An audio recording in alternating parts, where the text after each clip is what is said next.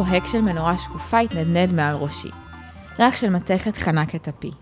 מולי שולחן עץ ישן עם חריטות כועסות מהעבר, שהביטו בי כשציפורניים נקשו עליהן בניסיון להרגיע את פעימות ליבי.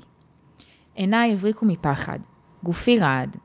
האם הגיע הרגע לחשוף את האמת על מותו של לורנס וייס? שלום לכולם, שלום לכל המאזינים ולכל המאזינות. אתם נמצאים על הפודקאסט מאחורי הכריכה, הפודקאסט של הוצאת ספרי ניב. אני ענת כהן, ובכל תוכנית אני מראיינת סופר או סופרת שהוציאו ספר בתקופה האחרונה. אה, והיום אה, אני נמצאת עם אה, מחברת הספר כן לא שחור לבן, הירדן בר איתן. שלום, שלום. מה העניינים? מהמם, מה שלומך? אני בסדר, תודה. איך לך להיות כאן? מדהים, מרגש, איזה כיף שהגיע הרגע הזה שאני מדברת על היצירה הזאת ושהיא בחנויות, זה כיף. היא כבר בחנויות. בחנויות, כן. מדהים, מדהים. אה, אז הספר יצא אה, באוגוסט, נכון? נכון. תחילת אוגוסט כזה, פלוס כן. מינוס? פלוס מינוס. אה, וזה בעצם לא הספר הראשון שאת מוציאה, זה הספר החמישי. חמישי שכתבתי, השני שיוצא לאור בעברית. כלומר, mm. השלושה הראשונים שלי הם באנגלית, והשניים האחרונים בעברית, והם אלה שיצאו לאור פה בארץ. הבנתי, אוקיי. אז זהו, אז אני קצת אספר עלייך, ואז גם יבינו את ההקשר של אה, חו"ל.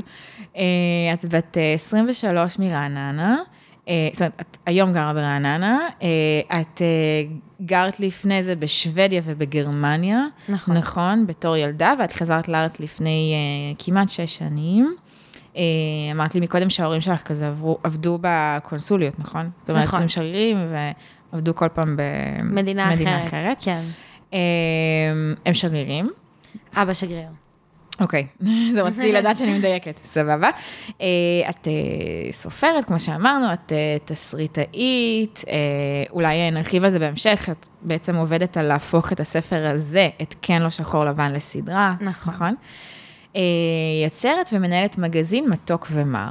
מה זה מגזין מתוק ומר? רוצה להגיד עליו אה, כמה מילים? בטח. אה, זה ה baby השישי, ככה אני קוראת לו. מגיל מאוד קטן, תמיד רציתי משהו שהוא מעבר לספרים, כלומר התחלתי לכתוב בגיל 13, ואז בסביבות הצבא אמרתי, אני רוצה לפתוח מגזין, שזה גם מקום של מבחינה ניהולית, וגם ממקום של ליצור תוכן שהוא מחובר יותר לאקטואליה, אבל לכאן ועכשיו, ולא בהכרח לעלילה מסוימת שמתפתחת עם העמודים. אה, וכך קם המגזין, בעצם פתח לי הדלתות לסופרים, כותבים, יוצרים, כל הסוגים שיודעים לכתוב תוכן טוב, כמובן שהם עברו סלקציה, עריכה ספרותית, עריכה לשונית, כל ה, מה שצריך לעבוד במגזין. אה, ויש לי אימפריה קטנה, שאנחנו כבר 14, אה, האמת, מאייר, עורך לשוני, עורך ספרותי, עורך מוזיקלי.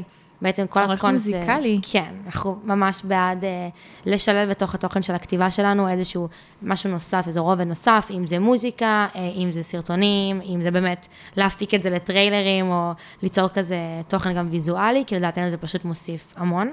Uh, בעצם המגזין מתוק ומר, כי כמו השם, כי זה בעצם החיים, זה מורכב מכל האירועים הכי קטנים וגדולים שמרכיבים את התחושה המרה והמתוקה הזאתי.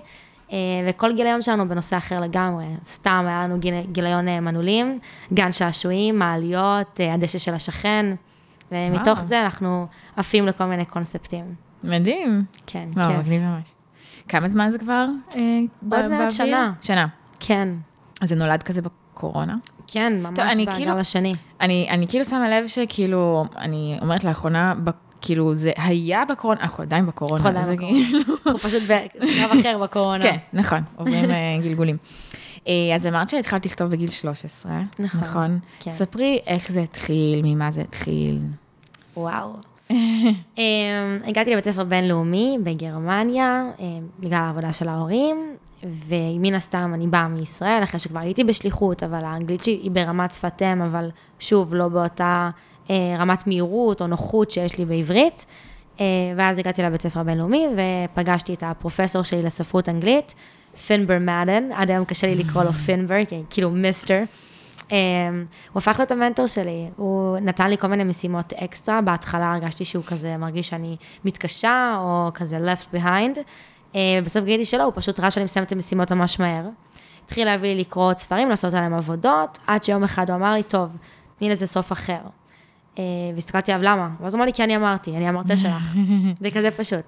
אה, ופשוט התאהבתי בזה, במילה הכתובה, אם זה בספרים, אם זה בלכתוב, אם זה בליצור תוכן ועלילה ועולם ודמויות, והכל בשליטתי. אה, אז לאט לאט ככה כזה עבדנו ביחד, הוא לימד אותי עריכה ספרותית, עריכה לשונית, מה זה אומר בכלל, למה אנחנו מנטור. כותבים, לכל דבר, כן. מדהים. אה, הוא הכניס אותי לעיתון של הבית ספר, כמובן בשם עט, כדי שאני כזה אבין איך אני ככותבת. בגלל זה גם במגזין שלי יש לי כותב בשם עט, אני מאוד מבינה את זה. אה, וזהו, ולאט לאט אה, יצרנו ככה איזה 400 עמודים, עמודי וורד כאלה, ואז הוא אמר לי באנגלית ועם חיוך כזה מאוד מתנשא, מזל טוב, ממי, יש לך ספר. וואו, בגיל ככה זה- 13. גיל 13. אה, אז זה היה ממש מרגש, ולא הבנתי כלום, אמרתי לו, אל תבלבל לי את המוח, והלכתי להפסקה. ומשהו קרה עם הספר הזה? כאילו, יצא? כן, הספר הראשון שלי, אה, אוקיי. אנה בווייט, כן. אוקיי, אז בואי ספרי עליו קצת, כאילו, ב- אה, אז איזה אפשר להגיד ספר זה? שכל החמישה שלי הם רומנים, אבל מסוגים שונים. אה, כלומר, כן לא שחור לבן זה שיצא עכשיו לאור, הוא בעצם רומן מתח בילוש, אבל כל הספרים שלי הם רומני מתח. אז אנבל ווייט, הספר הראשון, הוא רומן מתח על אה, ילדה שבורחת מ, אה, עם סבתא שלה, ממישהו שרודף אחריהן, עוברות מעיר לעיר במטרה, אה, אני לא רוצה לעשות לכם ספוילרים, במטרה... כזה להחליף את הזהות שלה כדי שמי שרודף אחריהם, שהם לא יודעות מי זה, הסבתא יודעת, אבל הנכדה לא, לא יגיע אליהן ויקרה מה שיקרה שתקראו את הספר.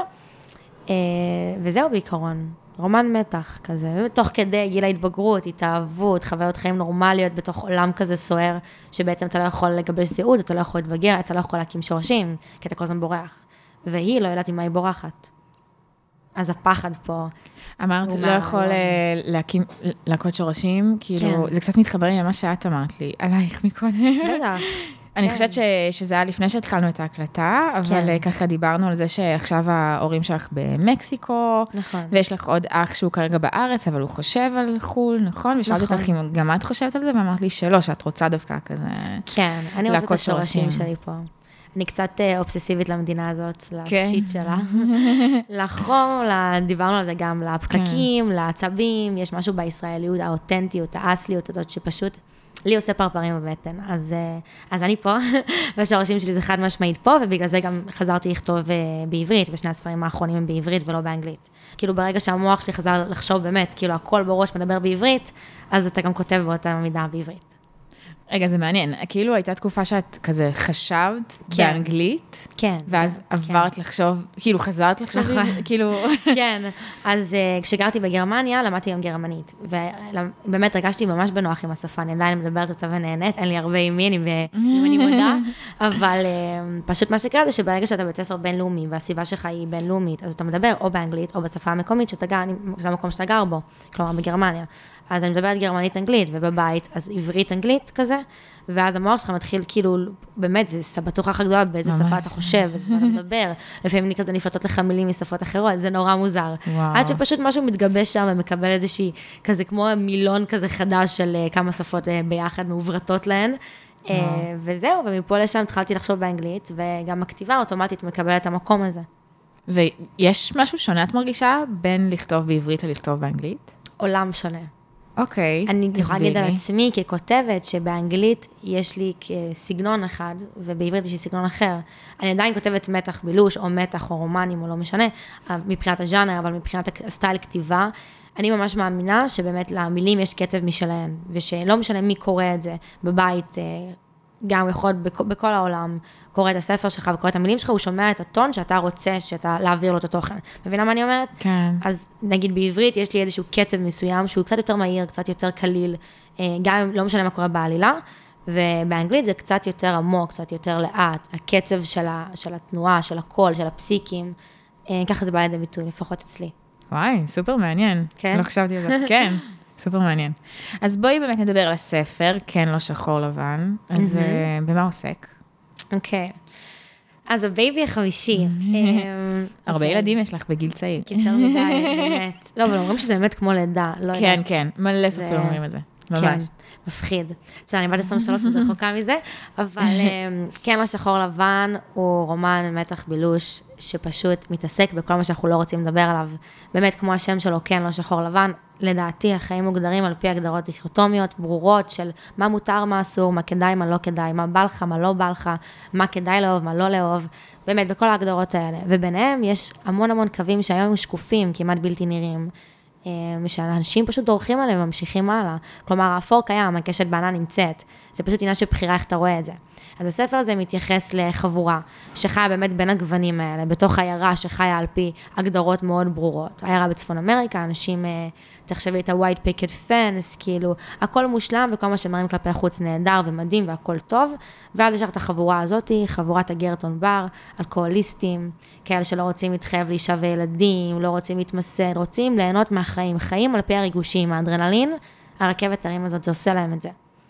אז החבורה הזאת חיה עם עצמה באושר ואושר, עד שפתאום אחד החברים בה, המנהיג הבלתי מעורר שלהם, לורנס וייס, מת באיזושהי צורה.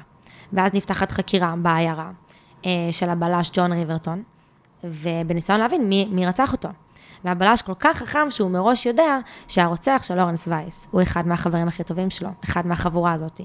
אז במהלך כל הספר את יודעת שלורנס נרצח, את רק רוצה לדעת מי מהחבורה רצח אותו ולמה.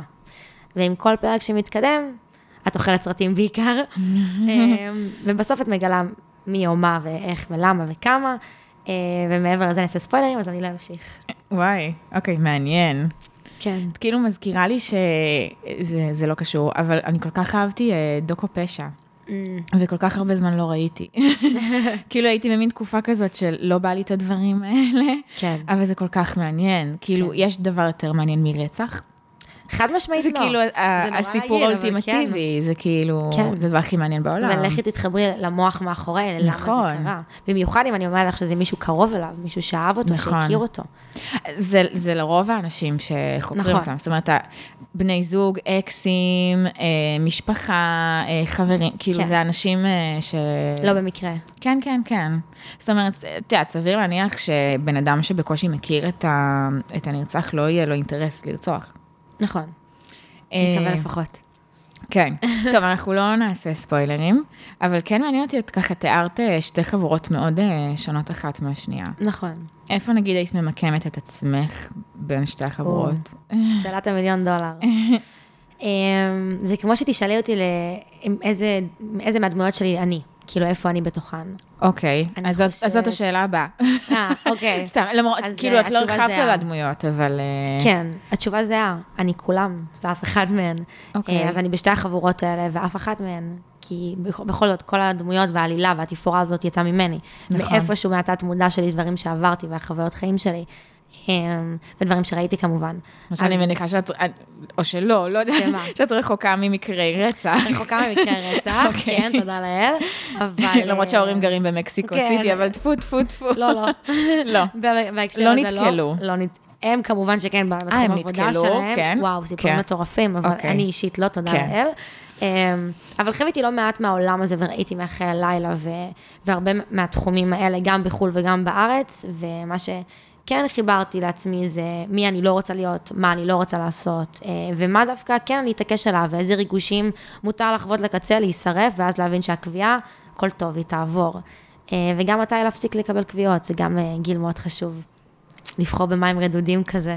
אז אני. לא, אני לא אף אחד מהם ואני לא בתוך חבורה מסוימת, אני פשוט המשקיפה מהצד, הייתי אומרת. את רוצה לספר קצת על אה, לורנס אה, וייס? זאת אומרת, הנרצח, בטח. קצת לתאר אותו? בטח. יאללה. אמ, מחייכת כשאני אומרת את כן, השם שלו. אני מאוד אוהבת אותה. אני אעשה גילוי נאות ואני אגיד שהספר הזה מבוסס על אנשים אה, אמיתיים לחלוטין שהיו בחיים שלי, Mm. סביבי, כלומר, את אומרת לי לורנס וייס ואני רואה את הבן אדם שזה מבוסס עליו, ואני מחייכת כי אני מאוד אוהבת אותו, הוא בחור מדהים. אה, כמובן שלא בקונוטציה של הרצח וכל זה, כן, כן. כן, הוא חי ונושם והוא נהדר, אבל אה, מהבחינה של הנראות, מהבחינה של הקווים באופי, כמובן שזה ספר ועלילה, והכל לפי ה... כאילו השתנה על פי ההתפתחות של הספר, אבל אה, לורנס וייס הוא בחור כריזמטי, סוחף, שאפתן ומשוגע. הוא נכנס לחדר והאדמה רועדת. גבוה, עיניים כחולות, שיער ג'ינג'י בלונדיני חום כזה, בין השלושה. אה, והוא המנהיג הבלתי מעורער של החבורה הזאת, הוא בעצם מתיימר להיות האלפא, זה שמכתיב את הטון בין הגברים, בין הנשים, אה, לא יודע אה, מנוחה ולא יודע להסתפק במועט, כל בחורה שהוא רוצה הוא כזה נוקש באצבע והוא מגיע אליו, לא יודע לקבל את המילה לא. ומוצא את עצמו גם חווה הרבה דברים מאוד קשים בהיסטוריה שלו, בעבר שלו, שהפכו אותו להיות מישהו וגם משפיעים על העתיד שלו. כלומר, חלק מהדברים שאנשים הכירו בספר הזה על לורנס וייס, הם יוכלו לדמיין או לנחש למה הוא הגיע למצב שהוא נרצח. Mm. או לפחות ככה הם יחשבו. אוקיי, אוקיי. אבל אה, בלי להוסיף עוד מידע, לקרוא את הספר. כן, כן, לגמרי. זה מישהו אבל שאת חושבת שהקוראים יאהבו, דמות שיאהבו אותה? אז הנה עוד גילוי נאות. Uh, כל הדמויות בספר שלי נועדו, באמת, הן שנויות במחלוקת גם עבורי. כלומר, יכול להיות שאת תאהבי אותה בתקופה מסוימת בספר, ורגע אחרי זה תגידי, מה זה הדבר הזה? ויכול להיות שאת תראי פתאום איזשהו חלקיק בעבר של אחת הדמויות, סתם נגיד אחת הנשים, ותגידי, אני מבינה למה היא אמרה את זה, או למה היא עשתה את זה, אבל עדיין, אני, אני לא מבינה, כאילו, את מבינה אותה, אני לא מסכימה איתה. Mm-hmm. אני לא הייתי עושה את זה. ובדיוק הדו-שיח הפנימי הזה, זה מה שאני מנסה לעורר, שהחיים הם לא שחור ולבן, אין באמת רק טוב ורק רע, יש הרבה באמצע.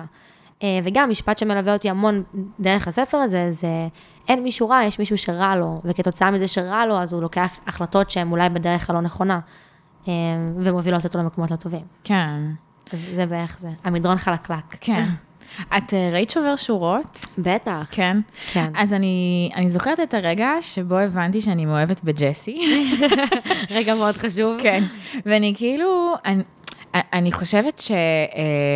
כותב טוב זה כותב שיכול לגרום לך אה, לאהוב דמות שהיא כאילו מאוד שנויה במחלוקת. זאת אומרת, סביר להניח שבמציאות לא הייתי אוהבת את ג'סי. נכון. סביר להניח. ואיכשהו בסדרה ממש גרמו לי לאהוב אותו באיזשהו שלב.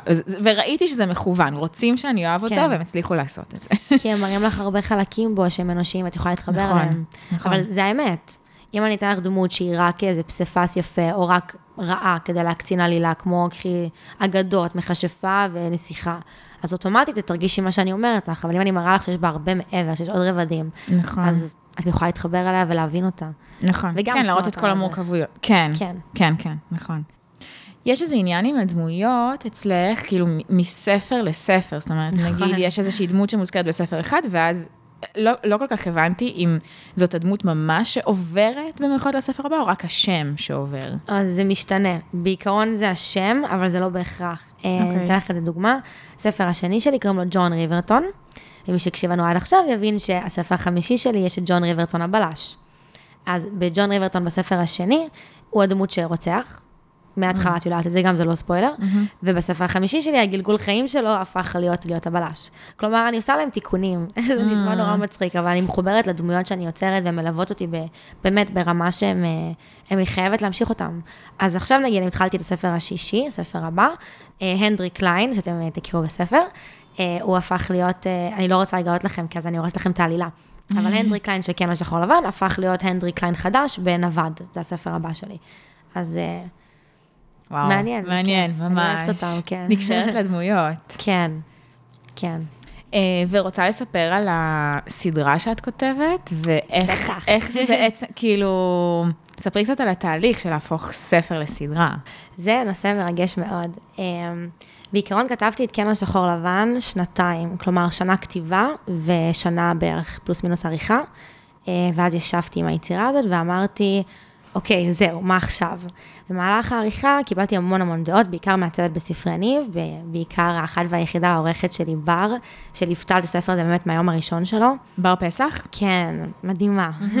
יכולה לדבר עליה שעות. שאת ממש. Uh, והיא כל הזמן אמרה לי, ירדן, את מדמ... אני מדמיינת את זה בקטע מוגזם, אני מעריכה את זה, אני מרגישה את כאילו כל סצנה וסצנה שאת כותבת פה, זה לא פרק, זה סצנה, בואי תהפכי את זה לסדרה. כל פעם אמרתי לה, בר, את משוגעת, עזבי אותי, יהיה בסדר, די, בואי נלך לשתות בירה. אה, ואחרי כמה בירות הגענו לשלב הזה, שאמרתי לה, בר, אולי באמת נעשה את זה כסדרה. ואז באמת ישבנו ודיברנו, וקיבלנו עוד דעות, אה, ועזרתי אומץ, והיום, אחרי כמעט ארבע שנים, אני כותבת את הספר הזה כתסריט. מדהים. אה, יש לי צוות מדהים, שאנחנו עובדים על זה ביחד, בר היא חלק מהצוות, ואנחנו מתכננים להפיק אותו לסדרה. אני מתרגשת מזה ברמות, כאילו זה... בגלל זה גם יצרתי טריילר, אה, ואני פשוט בן אדם ויזואלי, אני חולה על זה, כי נותנים לי לראות אה, סרט עכשיו, אני אוהב באותה מידה שאני אקרא ספר. אז למה אה, לא כן? לחבר את העולמות? כן. אבל את עובדת על סדרה. לא על סדרה. סרט. גם סרט, גם סדרה, יש לי כל מיני דברים אה, שאני עובדת אוקיי. עליהם במקביל. על אה, שמבוססת על הספר הזה? על כן, הספר הזה זה סדרה, ויש אה, עוד תסריטים שאני עובדת עליהם אה, במקביל, ונראה מה הם ילדו. בינתיים, כן, לא שחור לבן והסדרה שתצא בקרוב, בקרוב, בקרוב, אנחנו עובדים על זה, אה, זה זה ה baby הבא. מדהים. כן, עוד- עוד baby. עוד baby, כן. מדהים. ומה בעצם קורה במעבר מספר לסר... לסדרה, למשל? המון. זאת אומרת, מה משתנה? הכל יכול ליפול. ליפול, אוקיי. כן, אה, נגיד יש משפטים קריטיים בעיניי כסופרת, שאני אומרת, אני לא מוותרת על הדיאלוג סתם בין שתי דמויות שלי, והתסריטאי המשנה שלידי יכול להגיד, שמי, ירדן, מיותר.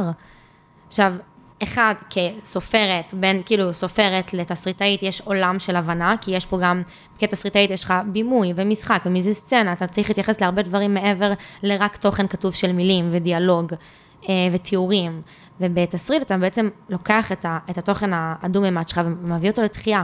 אתה צריך לדעת שכל פעולה משחקית, כל פעולה פיזית, כל מבט, חיוך, כל דבר הכי קטן צריך לבוא לידי ביטוי ולהעביר את התוכן בצורה הכי טובה שאפשר. מה בטקסט של ספר הופך אותו לטקסט טוב, ומה בטקסט של תסריט הופך אותו לתסריט טוב? אני מניחה שזה שני דברים שונים. זו שאלה אחת החשובות, באמת. בספר, לדעתי, זה באמת התיאור תפאורתי. כלומר, אני כסופרת רוצה לגרום לקורא שלי להריח, להרגיש, לנשום, להסתכל איתי על הדמות ועל מה שאני מספרת דרך 7-8 מילים. וזה קשה מאוד. כן. בתסריט יש לי את היכולת באמת להביא את זה לידי ביטוי פיזית, ויזואלית. נכון. ואז פה אני צריכה לשמור על איזשהו קו מאוד מאוד נקי ואחיד של מה אני רוצה שתראי, וגם יש פה אינטרפטציה של מה את הולכת לחוות פיזית, ויזואלית. אז זה מאוד קשה, כי זה לא לגרום, זה לא לדמיין שיש לך בספר, זה הלראות ולדעת שהעברתי את הנקודה בדיוק כמו שרציתי. אמ, תחזרי לשאלה עוד פעם. אז טקסט טוב של ספר, אה, אוקיי. טקסט טוב של אה, טקסט טוב של תסריט. ספר, אה, הוא מעביר תפאורתית, אווירתית, אה, רגשית, את, ה, את מה שאני רוצה להעביר כ, כיוצרת בספר, ובתסריט הוא מעביר את הפעולות המשחקיות, ה undertone עובר הרבה יותר לידי ביטוי מאשר המילים שנאמרות. מבינה מה אני אומרת? כן, כן. כאילו הסאבטקסט הוא ממש קריטי בתסריט, ובספר יותר קריטי שאני אגיד לך את הדברים תפאורתית, אווירתית, כדי שתסיקי מסקנות בהתבסס על מה שאני אומרת. אוקיי. אה, טוב, בתסריט אני מניחה שהעניין של הבימוי הוא מאוד מאוד אה, חזק. ענק, העניין בטח. של הצילום, נגיד צילום יכול לעשות אווירה, ברור. למשל. נכון.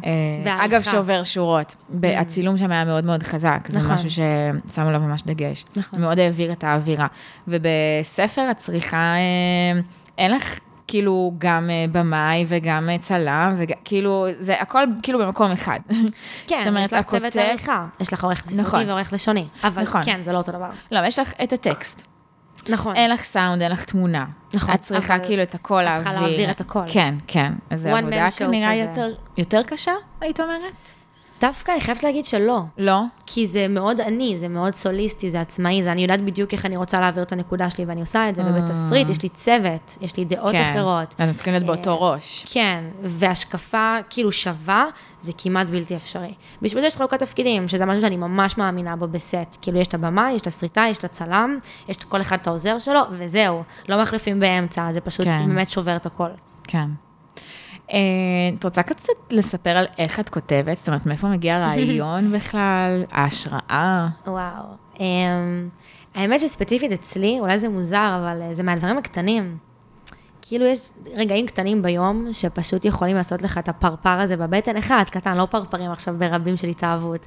וזה פשוט עושה לי משהו, למשל סתם, אני הולכת ברחוב, ופתאום עוברת איזה מישהי והיא צורחת על בעלה בטלפון, צרחות אימה על זה שהוא לא הוציא את הילדים מהגן בזמן.